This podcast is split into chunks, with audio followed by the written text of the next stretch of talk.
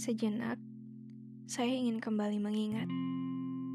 Dulu, sewaktu saya masih kecil, dunia dan segala kehidupan di dalamnya itu hanya sebatas sebuah mimpi. Kadang saya berpikir, kapan saya akan terbangun dari mimpi yang panjang ini? Aneh memang, tapi itu yang saya pikirkan. Saya merasa terlalu banyak hal yang tidak nyata di muka bumi ini. Salah satunya tentang kehilangan, tentang bagaimana bisa manusia pergi begitu saja tanpa pamit dengan cara yang benar. Tahun 2007 Tahun yang pertama kali memberiku rasa sesal paling dalam. Hari itu, kakak mengantar kami ke sekolah dengan sepeda motornya. Seperti biasa, saya duduk di depan. Dulu selalu senang jika diajak bermotoran. Rambut yang kadang menusuk mata tidak akan jadi penghalang untuk kebahagiaan yang sederhana itu. Pada saat itu, motor kakak berjalan pelan. Sesampainya di sekolah, saya turun dari motor kakak. Lalu pergi. Saya sangat bersemangat di hari itu. Bermain. Iya, hanya itu tujuanku. Toh, mana ada anak umur 6 tahun yang kalau ke sekolah tujuannya adalah belajar. Saat memasuki gerbang, pemandangan anak-anak bermain memenuhi mataku. Bermain sebelum lonceng berbunyi itu seperti ritual. Ya, saya menyebutnya seperti itu.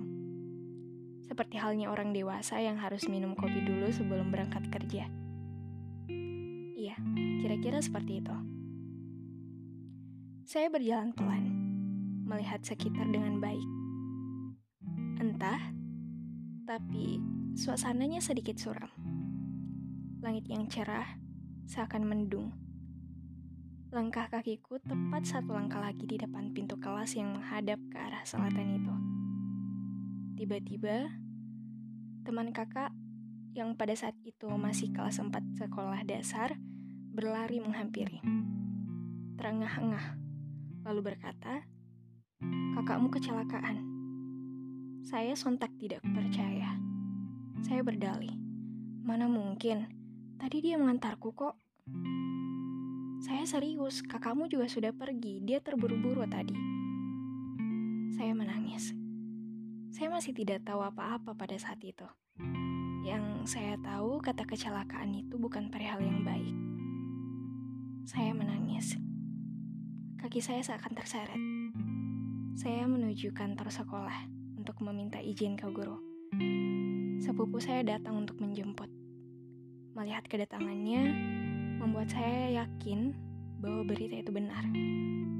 Dia menggendong saya, lalu meminta izin ke guru untuk mengantar saya pulang lebih awal. Di depan rumah, sudah banyak keluarga yang datang. Saya mencari ibu Kata tante, ibu sudah pergi duluan menemani kakak di ambulans. Saya disuruh bersiap-siap. Katanya, kita akan menyusul kakak ke rumah sakit. Angkot sudah menunggu di luar rumah. Suara sirine pun datang. Saya tidak tahu apa maksudnya semua itu. Yang saya lihat, semua orang menangis begitu kencang. Saya merasa ini bukan hal yang baik mayat kakak pun masuk ke rumah. Untuk pertama kalinya, saya melihat ibu menangis seperti orang gila, seperti kerasukan. Dia bahkan tidak bisa mengendalikan dirinya sendiri. Saya terkejut. Saya tidak tahu apa-apa pada saat itu, bahkan tentang kematian. Orang-orang di sekeliling saya hanya bisa bersedih Suara tangis menggema di mana-mana. Untuk pertama kalinya pula, saya melihat ayah menangis. Ia termenung. Saat itu, yang kulihat dia sedang duduk di atas sajadah. Suram. Itu yang kulihat dari dirinya. Saya yang tidak tahu apa-apa, yang masih belum mengerti tentang bagaimana dunia ini bekerja, hanya bisa diam. saya mengingat lagi, berandai-andai.